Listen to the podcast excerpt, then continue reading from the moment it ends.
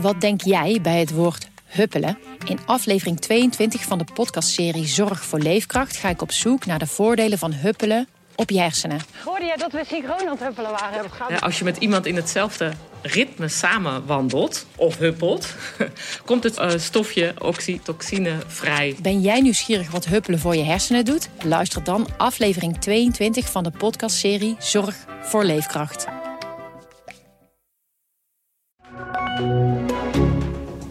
Dit is de AD Nieuws Update met Manuel Venderbos. De toeslagenaffaire is een schending van de mensenrechten. En er is een groot risico op herhaling. Dat stelt Amnesty International vandaag in een nieuw rapport.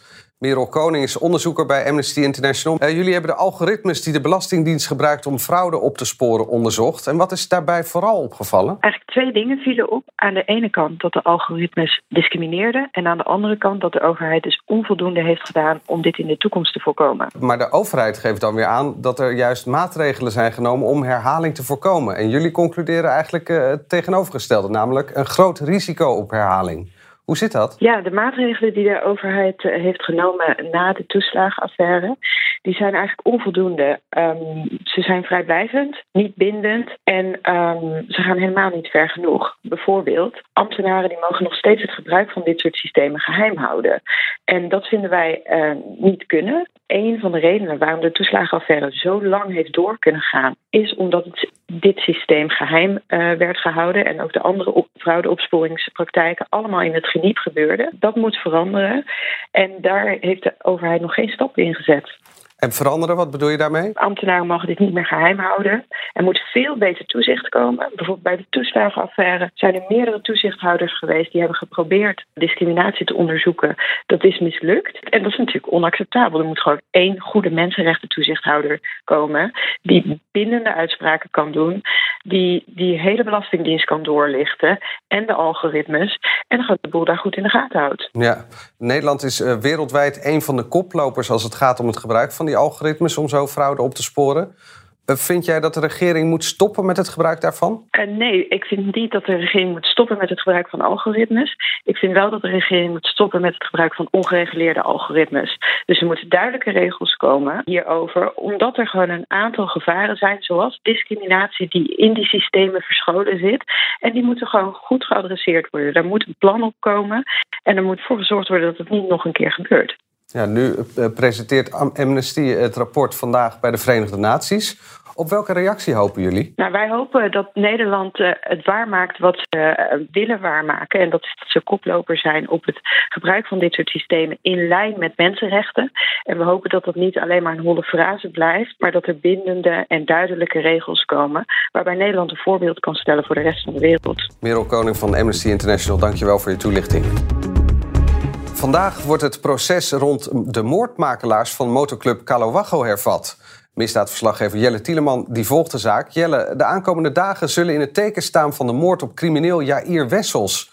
Wie was deze Jair? Jair Wessels was een, uh, was een Amsterdamse crimineel die uh, in het verleden ook al enkele keren was veroordeeld. En in de zomer van 2017 uh, dacht een afspraak te hebben bij het station Breukelen. Daar de, is een grote parkeerplaats. Hij dacht een afspraak te hebben met een, met een andere crimineel. Alleen hij werd daar doodgeschoten. Hij is daar naartoe gelokt. hij is daar vermoord.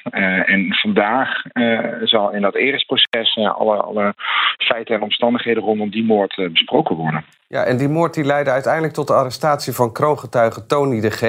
Wat was zijn rol bij deze moord? Ja, Tony de G was een, was een lid van die motorclub Calawarro. En hij heeft toegegeven dat hij betrokken was als een chauffeur. Uh, dus dat hij de, de schutter heeft uh, gereden. Hij heeft de moord ook uh, gezien, zegt hij. en na de moord sloeg hij op de vlucht. nadat al het bewijsmateriaal ja, eigenlijk niet goed genoeg was vernietigd. Dus hij is naar Spanje gevlucht en is daar uiteindelijk opgespoord. en niet lang daarna is hij kroongetuige geworden. Tijdens eerdere zittingen van dit proces bleek hoe gemakkelijk verdachten spraken over leven en dood. Welk beeld roepen deze mannen bij je op als je dit zo, ja, zo meemaakt? Dit lijkt een club te zijn geweest die, die heel makkelijk dacht te kunnen beschikken over, over leven en dood. Uh, spraken uh, ja, zonder dat ze dachten dat die berichten ooit naar buiten zouden komen, gewoon openlijk over allerlei moordplannen. Mensen moesten ook maar in het openbaar worden doodgeschoten. Ehm, als je dat zo leest, ja, dat, is, dat is heel erg schokkend. Ja, en het laat zien dat dit niet een club is geweest die je graag zou willen tegenkomen in een donker steegje, om het zo even te zeggen. Nee, wanneer denk jij dat het OM komt met een strafeis? Ja, dat gaat nog even duren. De komende weken zullen ook nog andere deeldossiers worden besproken. En in januari van uh, komend jaar, dus uh, over een paar maanden, zal het Openbaar Ministerie de strafeisen tegen ja, de, de 21 verdachten in dit dossier uh, uitspreken. Jelle Tiedeman, dankjewel voor je toelichting. Zorgmedewerkers van alle acht academische ziekenhuizen leggen vandaag 24 uur lang het werk neer. Ze eisen een betere CO en dat er meer wordt gedaan om de hoge werkdruk aan te pakken. Volgens de FNV wordt het de grootste stakingsdag ooit in academische ziekenhuizen. En een van de actievoerders is Irina Anjal. Dus uh, IC-verpleegkundige in het uh, Utrechts Medisch Centrum. Uh, eind september legden jullie ook al het werk neer. Denk je dat het nu wel effect heeft? Ik hoop van wel, want wij vinden het ook heel vervelend dat het nodig is. Maar ik verwacht eigenlijk dat we helaas nog een keer zullen moeten. Nog een keer? Jullie willen onder andere dat er meer wordt gedaan om de hoge werkdruk aan te pakken.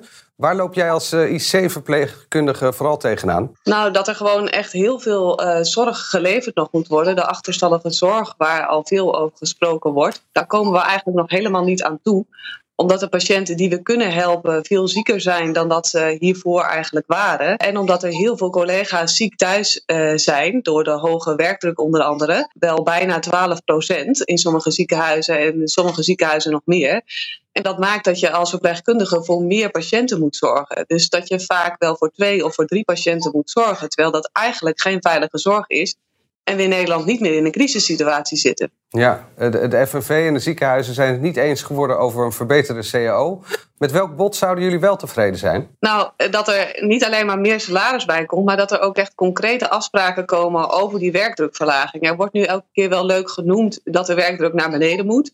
En er komen allerlei onderzoeken, maar er gebeurt in de praktijk eigenlijk niks. En dat geldt hetzelfde voor het generatiebeleid. En de flexibiliteit uh, van ons, waar elke keer een beroep op wordt gedaan. Dat we vaak binnen 24 uur nog extra moeten komen werken. Terwijl we eigenlijk willen dat dat uh, ook vergoed wordt als je binnen 72 uur wordt opgeroepen. Want je staat eigenlijk altijd aan. Nu zegt het FNV dat dit de grootste staking ooit in academische ziekenhuizen is. Wat betekent deze staking voor de patiënten? Nou, het betekent concreet voor vandaag dat er meerdere afdelingen hier in huis zijn die op een zondagsdienst draaien, waardoor dat sommige behandelingen en operaties niet doorgaan, uh, omdat die ook uitgesteld kunnen worden. Dat is natuurlijk voor patiënten wel heel erg vervelend, omdat het voor hun eigenlijk zeg maar ja, voor hun gevoel niet uitgesteld uh, kan worden.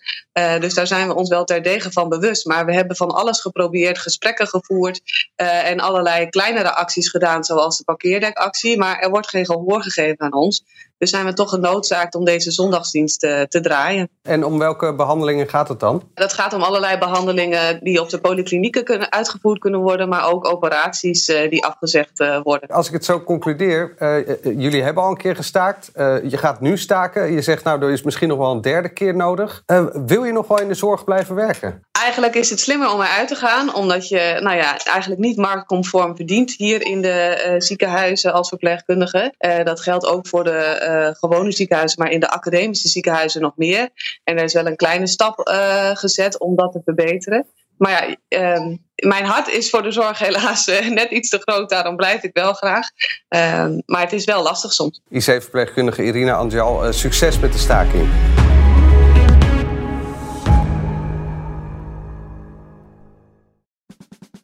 Luister ook naar onze podcast Politiek Dichtbij. In een half uur praten we hierbij over de stand van zaken op het Binnenhof. En niet alleen vanuit de wandelgangen in Den Haag, maar ook vanuit een regionaal perspectief. We zijn te vinden in onze app, op Apple Podcast en op Spotify. En wie zijn wij dan? Wij zijn Leonard Beekman en Tobias Den Hartog. Wat denk jij bij het woord huppelen? In aflevering 22 van de podcastserie Zorg voor Leefkracht ga ik op zoek naar de voordelen van huppelen op je hersenen. Hoorde jij dat we synchroon aan het huppelen waren? Ja, als je met iemand in hetzelfde ritme samen wandelt of huppelt, komt het uh, stofje oxytocine vrij. Ben jij nieuwsgierig wat huppelen voor je hersenen doet? Luister dan aflevering 22 van de podcastserie Zorg voor Leefkracht.